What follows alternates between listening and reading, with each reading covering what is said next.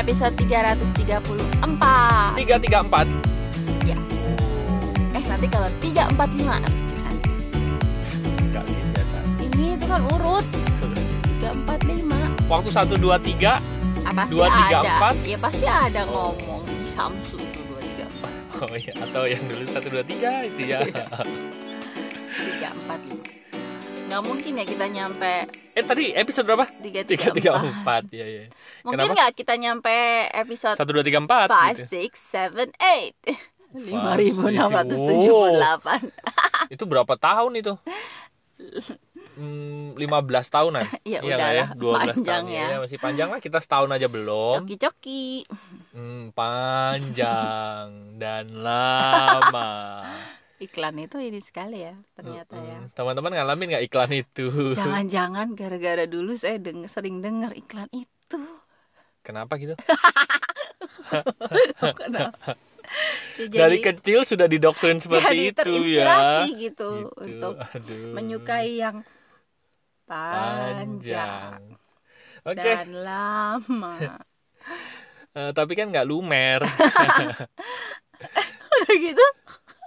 Aduh, ya nggak usah dibahas deh. Ya baiklah, maaf ya. Nah, kita mau ngobrolin soal Soal anak. ya.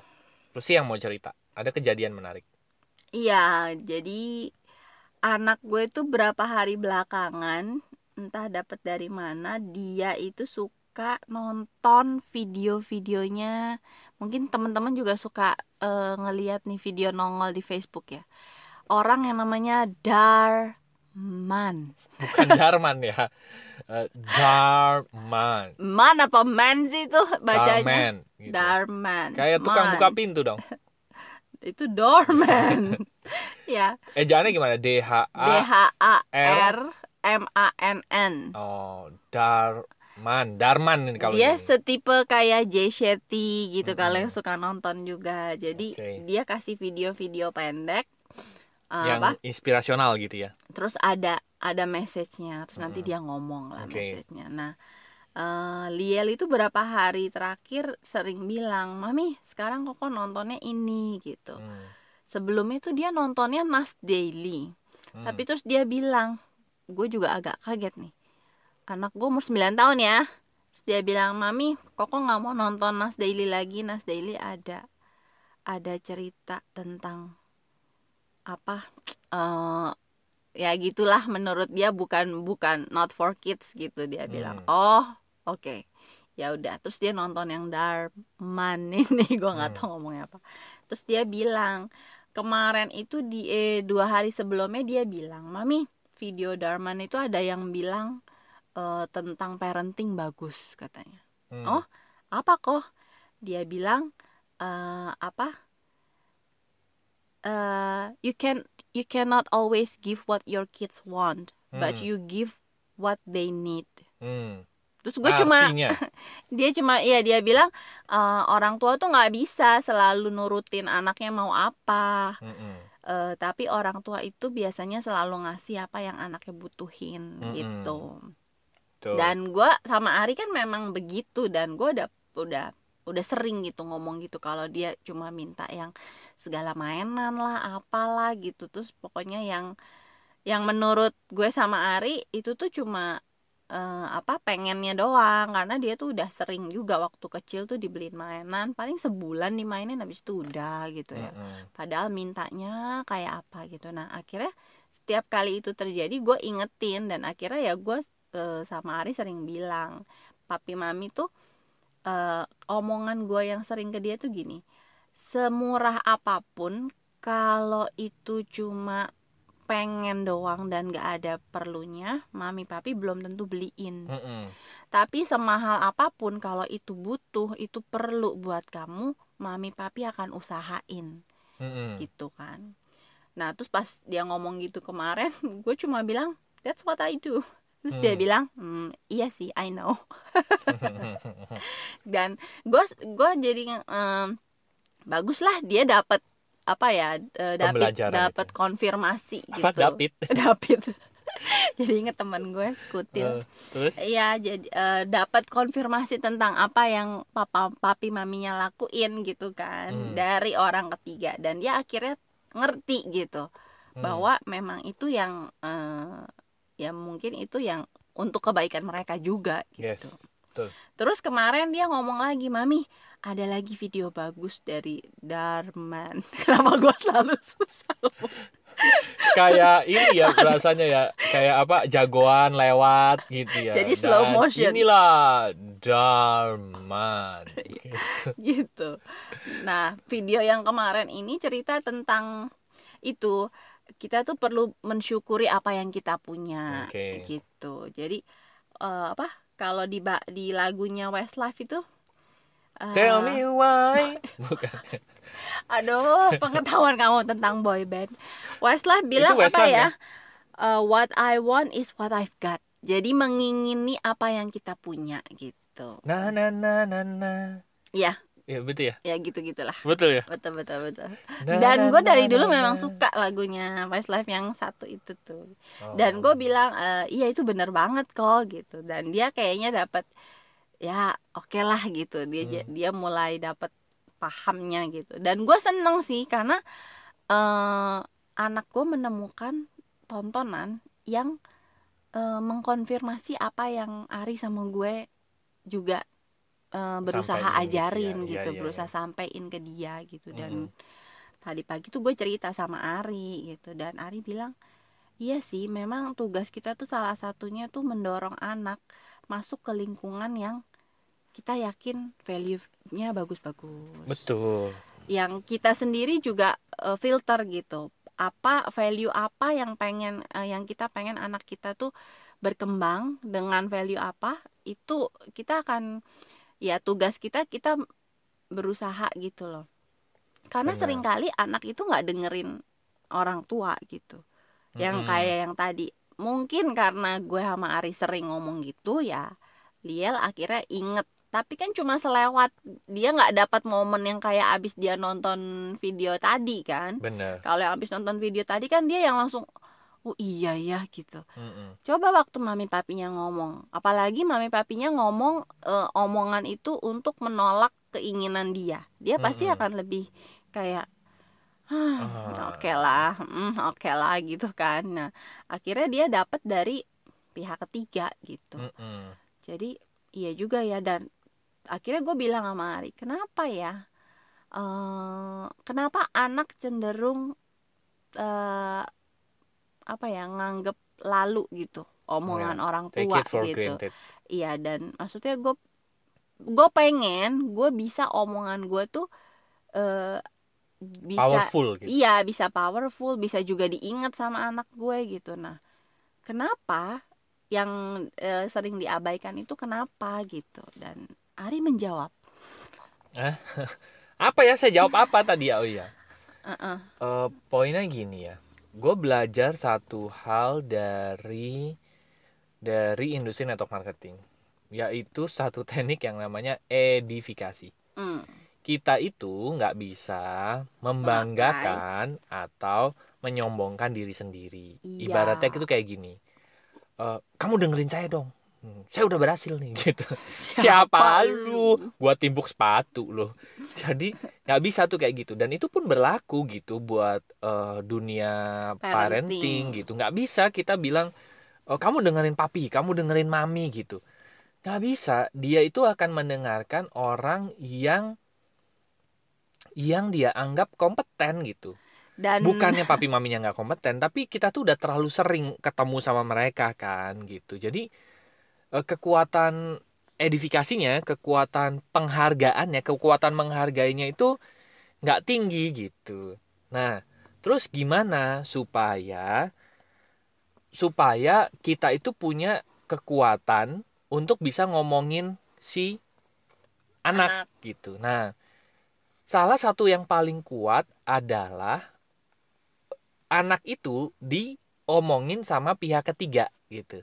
Nah, nanti pihak ketiganya akan membalikan lagi bahwa papa mamamu tuh kompeten loh gitu. Nah, jadi pada saat si anak itu dapetin informasi bahwa papi maminya tuh kompeten loh, papi maminya tuh kamu tahu nggak papi mamimu tuh hebat banget loh gitu.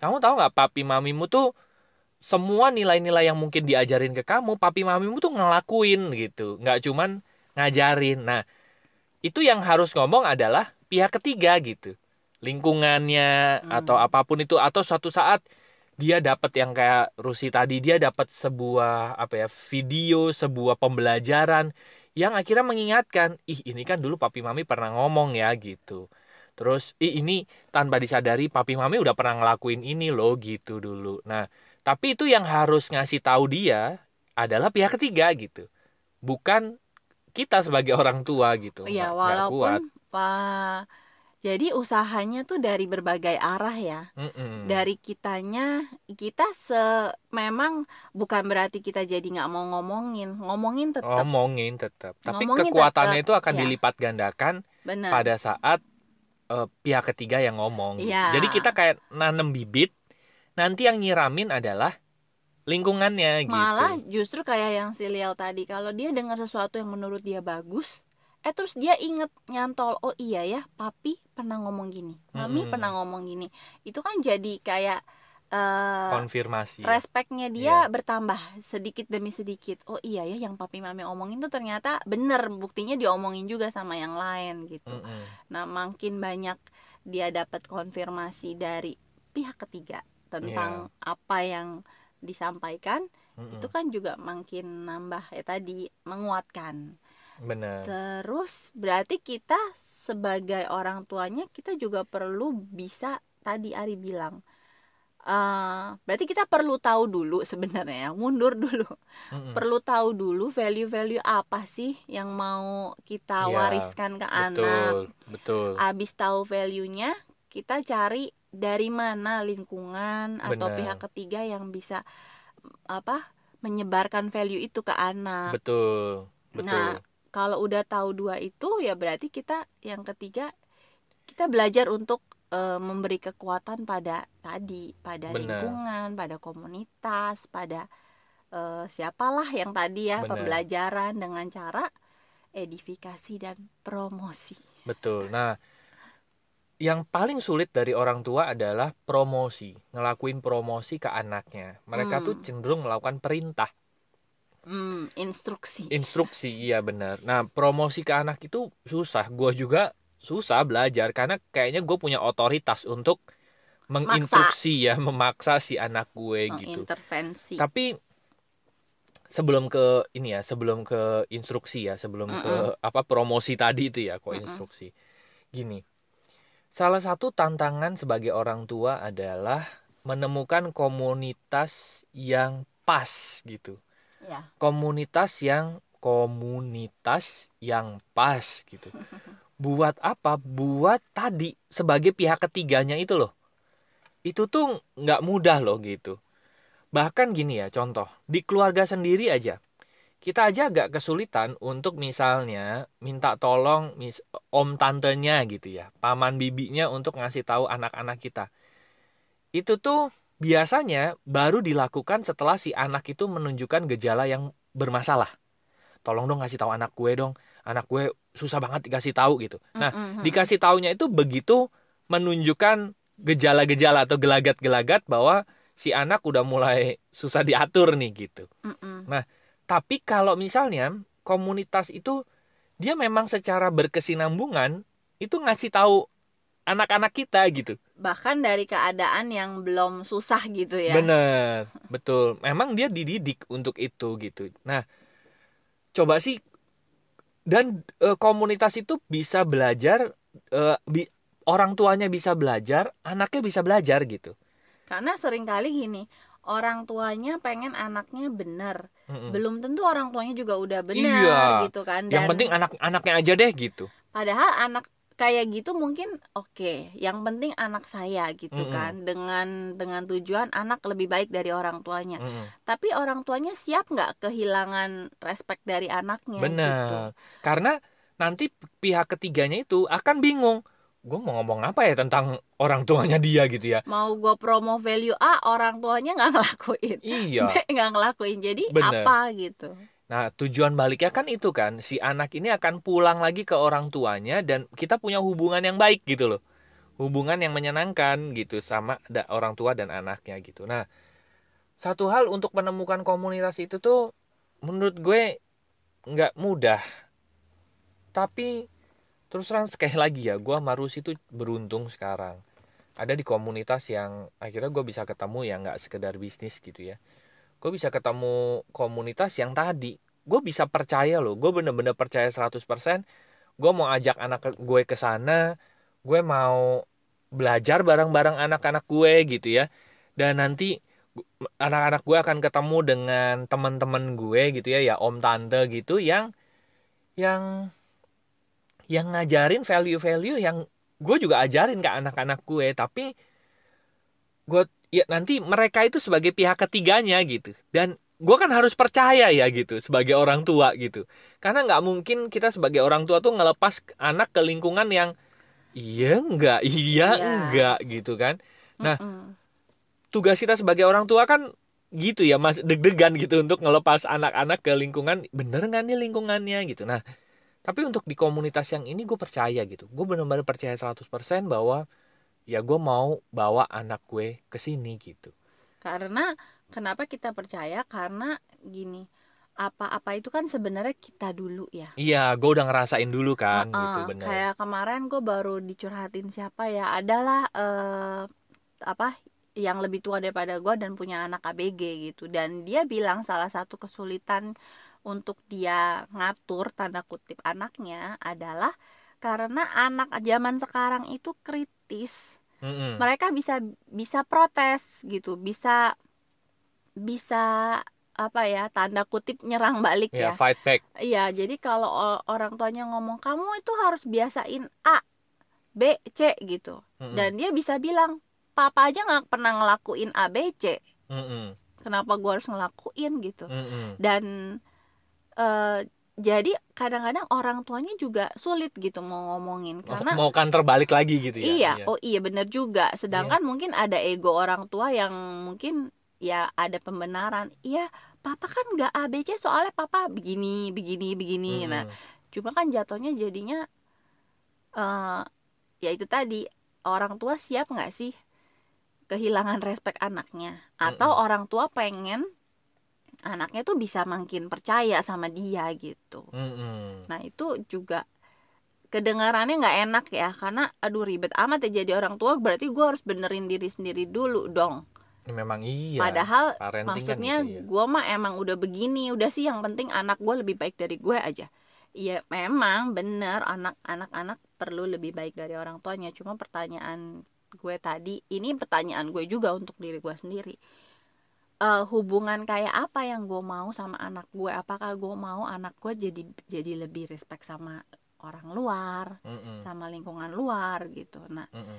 ini yang akhirnya balik bikin gue merasa oh ya ya gue tuh juga perlu belajar dulu gitu mm -mm. nah masuk ke komunitas yang tadi uh, gue sama Ari tuh belajar dulu di situ mm -mm. berusaha melakukan apa yang uh, yaitu ya walk the talk mm-hmm. jadi nanti begitu kita ajak anak-anak ke sana kita tuh udah lebih dulu di situ gitu bener udah lebih dulu di situ udah bisa kasih gambaran ah, habis itu kasih promosi dan sisanya ya sebenarnya enak kalau udah bisa nyemplungin anak ke satu lingkungan yang bener. kita aja udah ngerasain manfaatnya Betul. nah sekarang lu tuh gitu bener karena menurut gue terus ada satu kekuatan lagi di komunitas ini adalah yaitu panggung menurut gue. Mm -mm. Uh. bagi bagi orang-orang yang kita sebut aja berprestasi gitu ya. Berprestasi itu menurut gue gini. Mereka akhirnya bisa melunturkan egonya. Mereka bisa oh. melakukan time management dengan baik. Mereka bisa apalagi ya mereka bisa membangun hubungan dengan banyak orang. Mereka nolong banyak orang gitu ya iya. dan apa pun itulah semua hal yang diceritain tentang pengembangan kepribadian orang-orang akhirnya yang bisa melakukan itu mereka pasti akan mendapatkan sesuatu dan itu mereka dipanggungkan gitu ya iya. nah pada saat mereka dipanggungkan anak-anaknya lihat ih papi mami gue ternyata dia melakuin ya apa yang dia omongin ke gue gitu papi mami gue ternyata ngelakuin semua hal itu dan akhirnya mereka berhasil gitu nah dan jadi panggung itu bukan panggung menurut gue tuh panggung itu adalah panggung contoh juga buat si anak-anak bahwa papi mami ngelakuin loh apa yang uh, kita ceritain ke kamu gitu. Mulai dari time management mulai dari bersosialisasi dengan orang lain apa pun itu gitu yang kita ceritain. Dan akhirnya papi mami uh, ada di panggung ini gitu. Itu yang menurut gue memori yang akan nancep di dalam uh, pikiran bawah sadarnya si anak gitu. Dan akhirnya si anak ngeliat karena panggung itu itu kan panggung itu juga pihak ketiga menurut gue gitu ya. Hmm. dan karena si anak ngeliat apa papi maminya ada di situ gitu ya dia tuh jadi tingkat respect ya jadi naik gitu ke papi maminya. Karena dia melihat contoh bukan cuman ngelihat orang yang ngomong doang gitu. Itu yang menurut gue satu hal yang mahal dari komunitas ini gitu. Karena di mana lagi lo bisa dapet tanda kutip panggung di usia yang muda menurut gue ya. Karena biasanya orang tua tuh punya panggung nanti di usia tua. Setelah tua nanti baru mungkin kolega-kolega orang tuanya tuh datang ke anak-anaknya bilang papi mami kamu tuh orang hebat tahu gitu terus apalah semuanya terus kita pada saat uh, tua kita ngelihat iya ya dulu. Kita tuh baru punya kesadaran itu setelah nanti setelah ngelihat orang tua kita tua gitu. Iya ya ternyata perjalanan mm -mm. bokap nyokap gua tuh ini banget ya ternyata bener-bener struggle banget dia melakukan banyak hal gitu. Dan kalau nyok uh, apa namanya bokap nyokap kita udah tua gitu ya berarti kan kita juga udah berumur kan sebetulnya. Kita juga udah terbentuk duluan gitu. Mm -mm.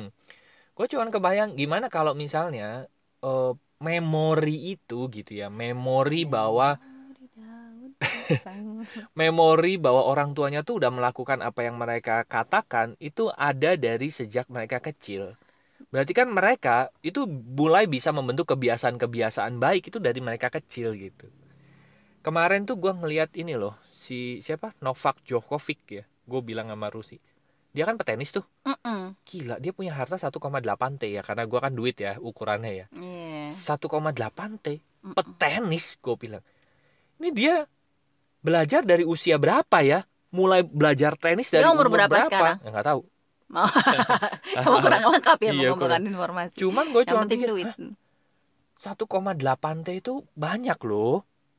Ya. Iya banyak. 1800 si miliar. Lia sampai nanya nolnya berapa Mei? banyak banget gitu cuman 12 iya gue cuman lihat gini oh orang-orang yang akhirnya mungkin uh, atlet-atlet gitu ya anggaplah di usia 30 tahun dia udah punya kekayaan 1,8 T berarti kan mereka sudah membangunnya mungkin dari usia belasan. 6 tahun, 7 tahun atau belasan tahun gitu. Mereka sudah menanamkan kebiasaan itu dari mereka muda gitu kan. hmm. kan. Mereka akhirnya bisa menikmati kesuksesannya di usia muda juga gitu. Nah, kalau akhirnya kita baru belajar di usia tua, ya memang nggak ada waktu yang terlambat sih ya gitu. Cuman kan menyenangkan kalau misalnya kita bisa pensiun di usia muda, sisanya udah tinggal happy-happy gitu ya. Amin. nah, begitu juga dengan anak kita, kalau dia udah mulai membangun kebiasaan baiknya, melakukan hmm. time management, melakukan apa pun itu lah ya, bersosialisasi dengan orang, dia punya kemampuan, ya dia punya kemampuan life skill dari muda yeah. dan dia mulai membangun kebiasaannya dari muda berarti kan dia juga menuanya di usia yang muda gitu mungkin nanti di umur 20 tahun atau 20 ya 20 21 tahun dia udah menikmati gitu kebebasannya dia gitu yeah. menurut gua versi gua dalam kayaknya kalau anak-anak gue udah freedom di usia muda menyenangkan sekali gitu ya dan kalau men kalau dari sisi gue gini banyak orang dewasa itu kesulitan mengubah kebiasaan karena mereka taunya itu di usia yang udah matang. Oh ternyata kebiasaan yang ini itu nggak mendukung gue untuk mencapai tujuan. Iya. Kebiasaan gue yang ini nggak mendukung gue. Gue perlu ubah dan berubah di usia yang sudah matang. Gue bilang, gue pikir itu juga tantangan gitu. Ya, benar. Tapi alangkah enaknya gitu kalau kita bisa mewariskan kebiasaan-kebiasaan yang mendukung anak-anak kita untuk mencapai tujuannya dari kecil. Mm -mm. Jadi begitu dia nyampe usia matang, dia nggak merasa harus membentuk lagi karena kebiasaan itu udah jadi bagian dari dirinya betul, gitu. Betul. Dia udah biasa ngatur waktu dia udah biasa baca buku dia Iya. udah biasa belajar ya belajar ya gitu betul jadi ketika dia berkembang Mm-mm. dia paling tidak di energinya itu tidak dihabiskan untuk berusaha gitu. Betul. Tapi eh, energinya bisa dia pakai memang untuk ya udah tinggal eh, dilakuin aja gitu. Betul. Kebiasaannya sudah terbentuk tinggal dia pilih bidangnya gitu. Ya dia karena tinggal nyemplung di bener. bidang itu udah dia tinggal jalan gitu. Dibanding kerja kerasnya jadi paling enggak berkurang satu benar gitu betul. Kebiasaannya habit baiknya tuh udah ada gitu bibitnya tuh udah ada Iya. gitu. Karena gue ngerasain berubah di usia 30 sekian gitu ya. Itu Hah, kamu 30 enggak ah kamu masih 17 ya apalagi kalau kita ngomongin orang tua yang udah 50 sekian 60 sekian. Misalnya eh, siapa pun lah ya om tante papa mama itu ada yang perlu diubah supaya lebih untuk kebaikan mereka sendiri loh untuk Hmm. lebih bahagia lebih apa lebih apa. Itu kan itu aja susah kan gitu. Dan betul sekali. dan kita sangat maklum gitu. Betul. Kita sangat maklum karena kebiasaan puluhan tahun kita baru omongin sekarang di usia mereka yang segitu. Mungkin nggak gampang gitu. Betul. Kecuali mereka betul-betul punya akhirnya dapetin momennya gitu Iya, yang akhirnya bikin bener. mereka berubah. Tapi effortnya kan jadi lebih keras gitu. Tapi betul. kalau dibentuk dari kecil effortnya itu jadi effortless. Padahal Bener. mereka eh, melakukan effort yang sama gitu. Betul betul. Tapi kan yang dituju rasanya. Rasanya jadi ya udah emang gue biasa begini kok dari dulu gitu. Iya benar. Jadi gue pikir iya ya eh, tadi balik-balik. Ternyata eh, yang tadi Ari bilang komunitas bisnis gitu ya buat orang lain mungkin eh, apa gambaran besarnya itu ya udah bisnis gitu tapi buat gue sama Ari ternyata ada banyak gitu ada Iya. banyak sisi yang kita tuju juga gitu selain dari uh, bisnisnya gitu Benar. tapi kita melihat wah ada banyak hal dari komunitas bisnis itu yang juga bisa membentuk hidup kita gitu bahkan hidup anak-anak gitu betul betul betul dan Setuju gue. Karena ya senang aja sih. iya karena gini kalau kalau kalau orang tuanya tidak menemukan lingkungannya dan orang tuanya tidak mempromosikan lingkungannya anak akan mencari lingkungannya sendiri. Dan itu 50-50 buat orang tua gitu ya. Kalau anak dapat iya dapat lingkungan yang bagus. ya puji Tuhan alhamdulillah gitu ya. Tapi Iya. kalau enggak ya sudah terima karmanya lah gitu. Nah gue pribadi pun begitu. Dulu waktu gue eh, umur belasan lah ya gue bersyukurnya dulu waktu gue SMA gue ngekos di tempat yang bagus ada ibu kosnya gitu ya. Kalau Ya, enggak mungkin gue udah belok ke mana-mana Eh, gitu itu kan. juga usaha dari orang tua mamahmu iya, kan ya betul. terus menempatkan di lingkungan yang paling tidak seperti walaupun itu gue yang bilang loh. Oh gitu. Jadi waktu itu kan kita lagi cari kos ya, Uh-uh. cari kos ke mana-mana mana-mana.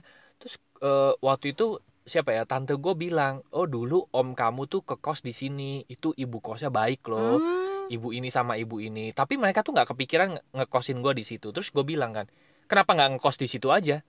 Terus mereka bilang iya juga ya, kita coba aja siapa tahu masih, memang a- masih, ada. masih Eh begitu gue datang ada satu kamar Mm. kosong ya udahlah, gue dititip sama mbah itu kan, ya udah gue beruntung dan akhirnya gue kuliah pun gue cukup beruntung karena gue mau mulai bisnis network marketing gue yang pertama gitu kayak di situ ada lingkungan yang bagus juga menurut gue gitu ya gue diajarin baca buku dan lain sebagainya.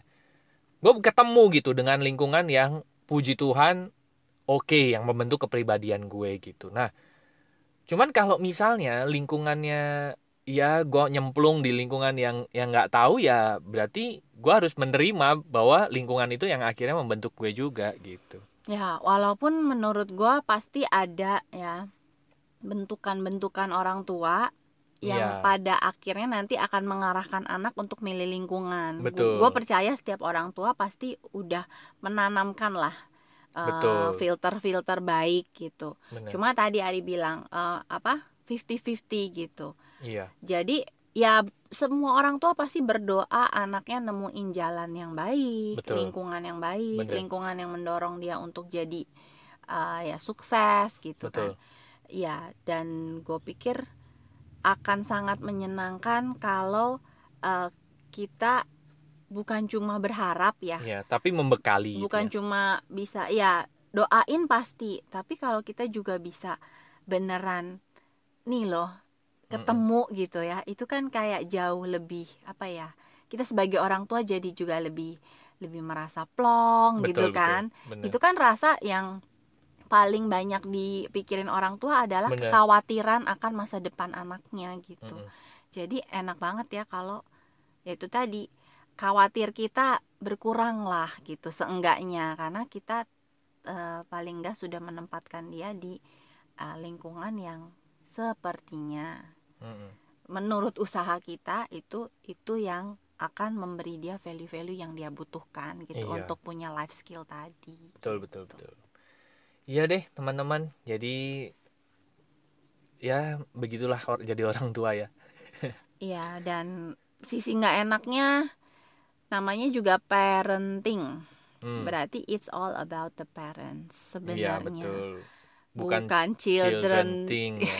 iya benar. Jadi kalau dibilang ribet ya kitanya mesti usaha dulu sebelum ngomong. Ya ya memang namanya juga parenting ya betul. Ya makanya benar sih punya anak itu salah satu jalan untuk melepas ego dan betul. memperbaiki diri. Benar sekali. Iya deh. Hmm, baiklah ya. teman-teman.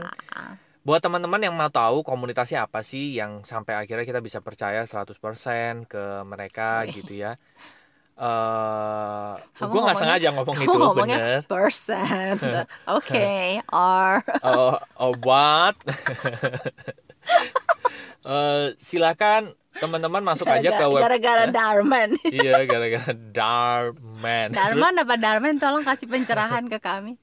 Teman-teman silakan masuk aja ke website kami yaitu lompatanhidup.com nanti, Nanti di ada sana tiga ada page. tiga page. Kamu apa saya nih? Eh, kamu aja deh boleh. Eh, kalau misalnya mau tahu tentang komunitas ini mungkin masuk aja ke page yang bisnis ya. Nanti eh, teman-teman klik aja tombol WA di sana nanti akan terhubung dengan WA kami. Nanti teman-teman bisa ngobrol itu komunitasnya apa sih? Eh, terus apa lagi ya? oh ya info info di page bisnis baru aja kami perbarui Mm-mm. Jadi mungkin- silakan masuk deh. ya masuk aja ke yang page bisnis kalau memang eh, lagi mau taunya yang soal bisnis Ya. tapi juga ada home home ini buat Betul. yang sekedar Cicet ngobrol. Cicat, kenalan, curhat, boleh apa pun Yes. di page yang home. Terus ada konseling dan event itu untuk jasa profesional Ari sama gue di bidang konseling, Terapi. terapi ya. Itu masuk yang ke konseling dan untuk menambah event juga ada di konseling dan event. Yes, silakan teman-teman masuk aja ke website kami yaitu lompatanhidup.com. Oke, terima kasih teman-teman sudah dengerin episode. 334 Semoga bermanfaat dan sampai jumpa di episode berikutnya. Thank you, bye bye.